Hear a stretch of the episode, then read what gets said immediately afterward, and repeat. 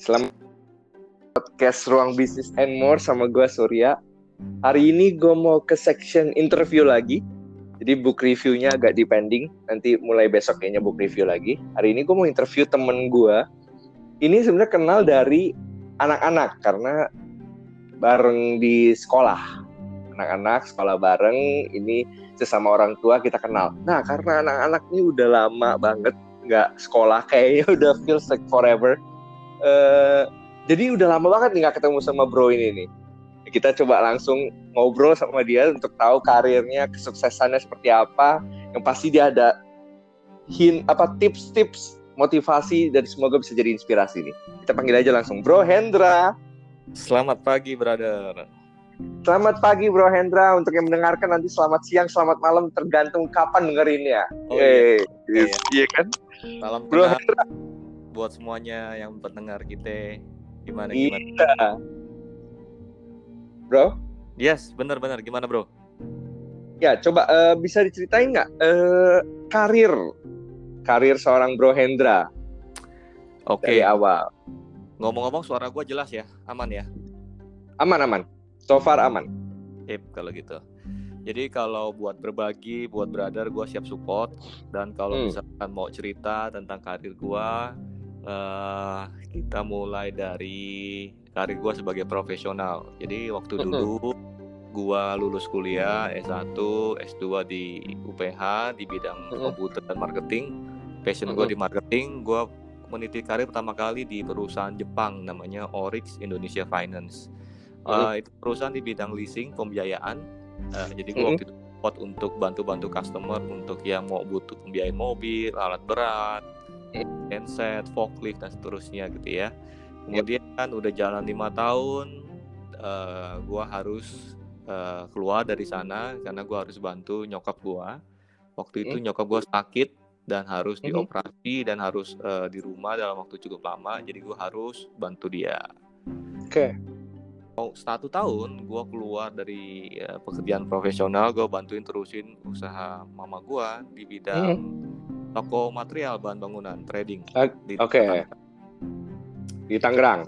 Di Tangerang. Jadi okay. itu kalau misalkan cerita kalau kita pengusaha pasti seorang pengusaha pengen anaknya juga bantuin nerusin mm -hmm. yang yeah. mereka mereka sudah rintis puluhan tahun. Ya yeah. itu uh, shifting tuh dari profesional menjadi pengusaha kecil-kecilan mm. gitu.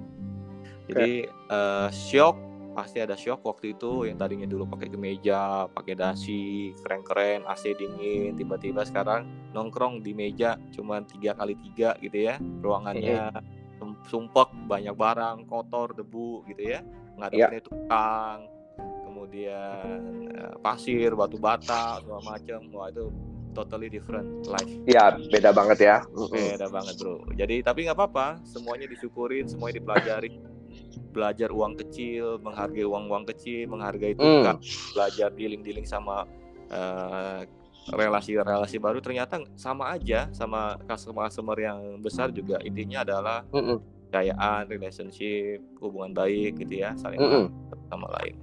So udah habis satu tahun, mama gue udah recovery, udah sehat lagi, seperti normal. Dia bilang udah lu kerja lagi aja, uh, mama masih bisa jaga katanya. Dan akhirnya keputusan keluarga kita kita punya dua toko. Toko satu lagi yang bokap gue punya ditutup. Oh jadi digabung jadi satu aja jadi dua cabang digabung jadi satu cabang. Jadi mama gue sama bokap gue gabung jadi satu. Jadi kalau okay. kalau satu salah salah satu misalkan butuh sakit atau misalkan ada urgent case jadi masih ada yang bisa backup gitu ya. Oke okay, ya gue cari kerja lagi dan waktu itu cari kerja uh, susah-susah gampang ketika gue mm. apply sana sini sana nggak ada yang diterima. Mungkin ada sebulan dua bulan gitu ya. Gue mm. ngapain aja ya? Gue sampai browsing waktu itu. Gue mau usaha apa gitu. Gue belum kepikiran gitu ya. Gue mm. waktu itu sampai keliling Gading Serpong kalau nggak salah. Gue tuh mau bikin oh gue ditawarin sama relasi untuk beli ini uh, vakum tungau.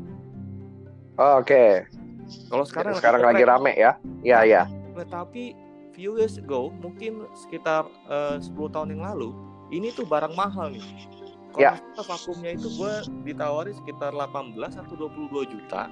waktu zaman itu tuh dahsyat tuh vakum apaan gitu Ya. kemudian gue ditawar ini bagus bro ini gini gini gini gini lu bisa mulai dia bukan rumah ke rumah tapi dari mobil ke mobil jadi vakum tunggal tapi beberapa nggak suka gue udah survei ruko cek sewanya berapa gue mau bikin konsepnya tukangnya gimana delivery udah sempet bikin mikirin waktu itu cuman Mm-mm. proposal ini bawa ke nyokap dia pikir gue gila gila lu ngurusin kutu ngurusin tunggal begini katanya kayaknya Hmm. jalan deh kayaknya nggak sejalan ya lu pikirin Oke. apa ya katanya nah selalu Oke. kalau kita punya ide bisnis biasanya orang yang sering patahin pertama kali biasanya bukan orang lain orang yang terdekat kita biasanya Ya. It- itu gue yang gue rasain tapi Ya. gue pikirin eh, bukan maksud mereka mau bikin kita kesel tapi saking Mm-mm. sayangnya saking pedulinya saking takut kita gagal sehingga Ya. dia nasihatinnya demikian Ya. So buat teman-teman yang dengerin juga pasti pe- pernah atau belum ba- atau akan nanti someday punya kepikiran mau punya bisnis atau ide-ide sesuatu pasti biasanya yang suka menolak tuh orang tua, adik, kakak, suami atau kita ah, atau anak kita atau siapa pun teman baik kita yang kalau bisa nasihat ini panjang tuh begini begini begini begini begitu banyak tuh ya. Mm-mm. akhirnya eh, gua nggak ambil kesempatan itu. Kemudian gue lanjut lagi eh, tiba-tiba ngelamar kerja nggak diterima nggak dipanggil. Tiba-tiba nggak berapa lama kemudian gue dipanggil sama salah satu orang namanya Pak Andreas dia salah satu direktur di eh, multi finance Ya. salah satu terbesar gue kenal dia gara-gara gue ikut LAN sama Hmm. bos gue waktu di Orix bos gue di Orix LAN Ya. sama dia gue diajak Ya. gue dikenalin ngobrol-ngobrol-ngobrol dia Hmm. tiba-tiba telepon gue Dra, lu masih di Orix? Oh enggak pak, aku udah keluar. Oh gitu, kebetulan aku lagi mau cari karyawan nih katanya, Hmm. mau cari tim katanya. Oh iya, Ya. boleh deh pak. Saya udah pindah bukan di Maybank waktu itu bukan di Maybank, sekarang aku udah pindah lagi ke Hmm. dunia Bang Panin. Lu ikut gua boleh nggak? Mau nggak? Oh boleh dengan senang hati pak. Kebetulan aku aku bilang gua lagi Hmm. free lagi ini. Siap. Jadi kalau lagi susah ternyata ada Ya. aja yang bisa nolongin. Ada aja salah satu sosok pahlawan superhero yang bisa tiba-tiba nolongin gitu ya. Nah, pelajaran dari kejadian ini adalah lu harus Betul. networking banyak-banyak. Ikut bos lu, ikut atasan, ikut siapa yang lebih hebat daripada kita teman, ikut networking. Tiba-tiba bisa Ya. kecantol aja. Cepat atau lambat, ya pasti ada hikmahnya. Bisa di- Betul. di- dikenalin aja gitu ya. Nah, gue berawal dari dia ini. Oh ternyata eh, dia lagi pindah ke salah satu perusahaan multifinance di grupnya Bang Panin gue diajak gabung waktu itu umur gue 26 kalau nggak salah ya 26 26 nah gue itu direkrut langsung judulnya keren bro National Ih, Sales. Manager wah itu waktu itu Ah. manajer termuda untuk Hmm. se Indonesia bro itu di kantor semua manajer-manajer rata-rata di atas 30, 40 ubanan, botak semua paling cuman gue yang masih culun-culun waktu Hmm. itu gue masih ingat banget dan waktu itu se Indonesia itu semua kepala cabang kepala cabang se Indonesia itu dan semuanya di atas Mm-mm. umurnya nggak ada satu yang sepantaran nggak ada jadi gue juga bingung ya kenapa ini orang suruh gue handle se Indonesia begini Mm-mm. gitu ya atau mungkin bisa jadi ini perusahaannya baru rintis di industri pembiayaan Mm-mm. alat berat waktu itu satu sisi dia butuh gua untuk eh, Iya. kasih knowledge tapi dia bisa coaching gua soal soal leadershipnya jadi gua saling satu bantu eh, Iya. saling bantu satu sama lain ya gue belajar dari situ. Jadi eh, teman-teman juga yang pengusaha atau mungkin yang baru jadi karyawan pun nggak usah berkecil hati. Menurut gua dua profesi ini saling support satu sama lain dan jadi profesional pun saat ini juga malah sekarang di atas angin dibanding pengusaha Ya. di kala corona. Ya kan? Penghasilannya pasti Mhm. masih oke masih dapat tunjangan macam itu sa- sangat membantu. So buat teman-teman saya punya eh, saran punya tips eh, carilah mentor yang tepat carilah eh, mentor bisnis mentor pekerjaan. Kalau dalam rumus gua adanya jurusnya Batman Mhm. Robin. Maksud gua adalah kalau lu mau jadi superhero paling enggak lu berawal dulu dari Robin. Batman Robin kita jadi Robinnya kita pilih sosok mentor kita biarlah kita bantu dia biarlah kita jadi Robinnya tapi yang sering diliput yang sering muncul yang sering difoto di poster flyer dan Batman ya? TV adalah Ya. Batman Robinnya Mm-mm. muncul bro tapi nggak apa-apa it's okay cepat atau lambat kita bisa jadi belajar Mm-mm. juga jadi superhero Tapi berarti Gitu. sampai Jadi, sekarang masih di itu sama Pak Andreas ini. eh ada sedikit cerita Oh, lagi setelah oke. ini. Nah, gue sana setahun setengah gitu ya susah payah merintis satu bisnis alat berat itu. Nah udah satu tahun setengah lihat eh, suruh-suruhan ternyata si Pak Andreas Hmm. ini bos gua ini ternyata dia adalah Robin dari Batman dia yang mentornya Oke. lebih tinggi lagi. Lalu dia bilang, Hen, aku dipanggil sama Batman gua tuh Hmm. namanya Pak Swandi. Gue diajak pindah ke grupnya. Trakindo. Nah, dia pindah, wah, gua lu suruh gua pindah sini. Kira gua udah pindah sini ini udah setahun setengah, lu pindah lagi ke tempat yang lebih gede. Gak apa-apa, Hen. Gua ajak lu Mm. juga katanya. Siapa? Pak, Mm. saya, saya ikut lagi. Jadi kita pindah kota lagi, bro. Jadi gua ikut Batman gua, si Robinnya gua ini juga ikut Ya. Batmannya dia lagi. Jadi saling support Ya. satu sama lain. Jadi akhirnya ketemu di situ gua belajar. Gua jadi Robin. Batman Ya. gua ada dua, bro. Batman gua si Pak ini dan Ya. si Pak Suwandi ini. Dan itu memang dua orang ini memang sosok mentor yang eh, bikin gua bisa jadi sekarang ya karena Ya. mereka dua orang ini. Satu gua belajar naik kesempatan bekerja, dipercaya jadi manajer waktu itu belajar banyak soal matematika. Dia ini sarjana matematika, Bro. Jadi kalau hitung-hitung apa segala macem, waduh Hmm. luar biasa dahsyat. Nah, kalau satu lagi yang Batman gua satu lagi Pak Suwandi, dia itu master Hmm. of everything. IQ dia tinggi, Bro. Network dia jago, public speaking jago. Lo mau kenal segala macam kalangan, mulai dari pendeta, mulai dari ustadz, mau dari preman, mau dari Hmm. pejabat, public figure, wah lengkap semuanya, Ya. luar biasa. Jadi kombinasi yang gue, gue bisa modeling yang eh, bagus banget dari mereka dua ini dari sosok profesional. Itu waktu itu gue pindah eh, di grupnya Trakindo namanya Chandra Sakti Mm-mm. Utama Leasing, CSUL Finance. Nah itulah gue pindah ke sana dan sampai sekarang gue masih kerja di. CSUL Finance. Kurang lebih mau Ya. jalan tujuh tahun. Mm-mm. Nah sekarang Ba- Batman gue yang satu, yang Pak Andre, dia sudah selesai. Dia membuka usaha sendiri. Ada sekarang dia bekerja di salah satu uh, manufacturing logistik atau makanan gitu gue lupa. Kemarin sempat saya lagi, tapi gue sekarang masih tetap di sini. Batman gue hilang satu, tapi masih ada Batman gue yang Iya, besar. karena Batman ada dua. Kalau Batman tetap Andreas pasti ngikut lagi. Kali ini dia Iya, nggak oke, oke. gitu tapi nggak apa-apa gue masih ada Batman cadangan satu lagi dan gue rasa ya gue pilih Ya. Oke. itu. jadi itu yang eh, karir gue sebagai profesional bro Nah. total gue di industri pembiayaan leasing kurang lebih Ya, 12 Berarti tahun. kalau yang kita bisa tangkap dari Bro Hendra ini eh, untuk kalian semua yang kerja, yang baru kerja atau yang sudah mulai eh, bertahun-tahun di bidang eh, kerjaannya adalah bagaimana harus menjaga hubungan baik dengan banyak orang.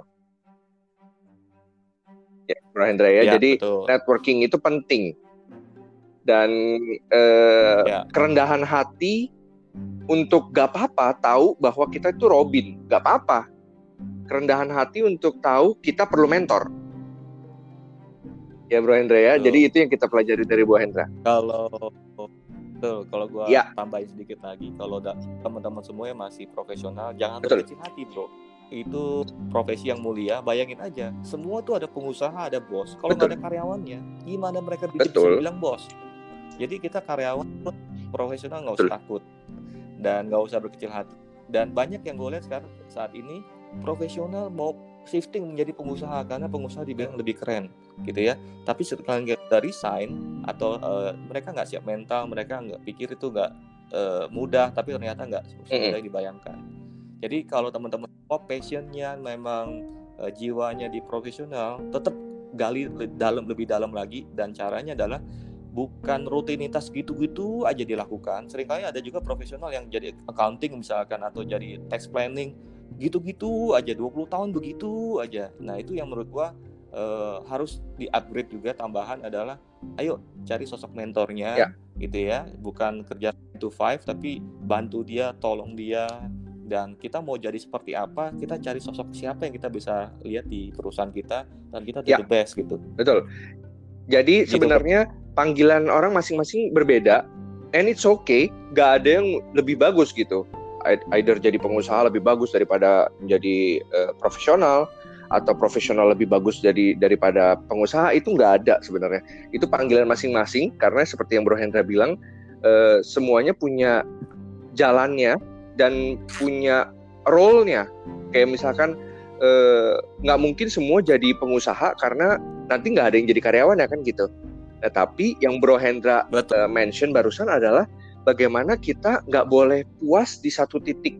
Kalau kita profesional ya di satu titik yang tadi kata Bu Hendra bertahun-tahun jadi itu aja tapi nggak ada sosok uh, mentornya gitu. Jadi uh, apa pun yang kita kerjakan sekarang terus mencoba belajar. Mentor kan gunanya untuk kita selalu belajar kan? Jadi entah itu kita sekarang jadi pengusaha atau entah itu kita sekarang jadi profesional yang penting terus mau belajar.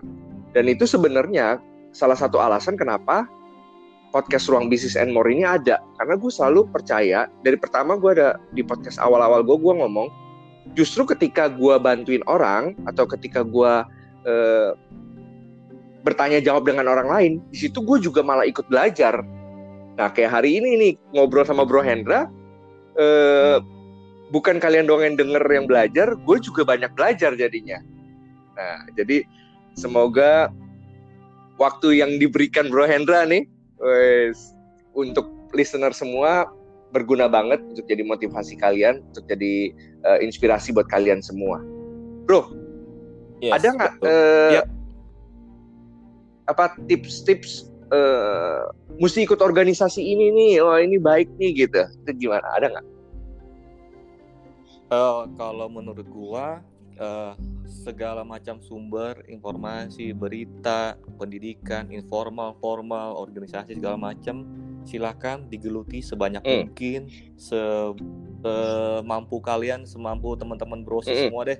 Tapi menurut gua tuh banyak, tapi harus dipilih mana kira-kira yang bisa menunjang ya. karir, bisa menunjang ilmu wawasan. Karena sumber informasi sangat banyak, luas mm. banget gue punya grup WA tuh banyak tapi sering kali gue mikir nggak semuanya gue aktif nggak semuanya gue bisa yeah. baca belakang gue mulai keluar keluar sesuatu yang gue pilih-pilih mana yang bisa gue serap di otak mana yang gak perlu sama juga di luar juga tapi gue saran gue adalah jangan pikir kita udah selesai kuliah S1 atau S2 itu ilmu kita udah rapi, udah cakep, udah perfect yes. semuanya. Enggak, yes. Bro.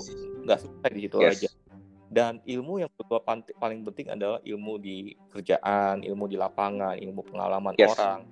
Nah, cara kita mau belajar jauh lebih hebat adalah either kita belajar sendiri atau kita belajar dari pengalaman yes. orang. Nah, ada dua cara, ada dua kriteria orang nih. Ada orang yang tumbuh nyungsep, ngerasain sendiri, baru dia mau mm -hmm. belajar. Itu cara belajar yang kuno, tapi juga powerful, bikin orang sadar, bikin orang kapok, atau bikin orang juga termotivasi yeah. gara itu. Tapi ada juga cara yang paling menurut gue efektif yang sering gue lakukan saat ini gue belajar dari pengalaman orang lain. Ya. Nah gue bisa belajar dari mentor gue uh, yang di profesional mentor gue di bisnis misalnya atau mentor gue yang lain dalam kehidupan dalam karir dalam keluarga. Gue tinggal ikutin apa yang mereka sudah yes. lakukan nggak perlu gue lakukan kesalahan kesalahan yes. mereka. Nah itu menurut gue yang uh, dipelajari dan caranya banyak nih. Dulu waktu gue belajar gue 7-8 tahun yang lalu gue aktif ikut seminar. Gue segala macam seminar gue investasikan waktu pikiran tenaga gue gue ikut seminar. Setahun paling enggak 6 sampai 10 kali 10 kali seminar. Dan mau yang berbayar mau cuman preview 500 ribu 300 ribu 1 juta. Gue pernah rekor ikut training sampai 25 juta gue jabarin ke Singapura sampai gue ke mana ke mana ikut semua belajar ya itu uh, banyak orang lain bilang lu gila lu ngapain dengerin orang hmm. ngoceh mulut busa doang cuman mulut manis penjual lidah penjual apa lah ngomong penjual ludah hmm. gitu ya itu gua itu skeptis ya. menurut gua karena setiap kali kita dengar seminar setiap kali kita lihat orang ngomong walaupun dia cuma jual hmm. ludah kita pun bisa belajar dari dia ternyata jual ludah juga jadi duit ya, gitu ya, ya. Menurut gua ya itu penting kita upgrade ilmu dari orang ya. lain dan setiap kali seminar setiap kali gue belajar sesuatu pasti gue menemukan sesuatu hal yang baru seperti yang baru cerita barusan kan setiap kali podcast lu pasti nem nemuin something yeah. ini kita baru ngobrol aja mm -hmm. bro kalau lu ikut seminar jam 4 jam apa pun bidangnya apalagi khususnya bidang yang lu pengen yeah. ya itu sangat penting banget dan gue bisa develop karir sama bisnis gue yang bersama istri Hmm. gue itu gue banyak belajar dari Ya. seminar-seminar Gitu, Betul. bro Thank you banget Bro Hendra udah join kita. siap Lain kali kita ngobrol-ngobrol lagi, Bro.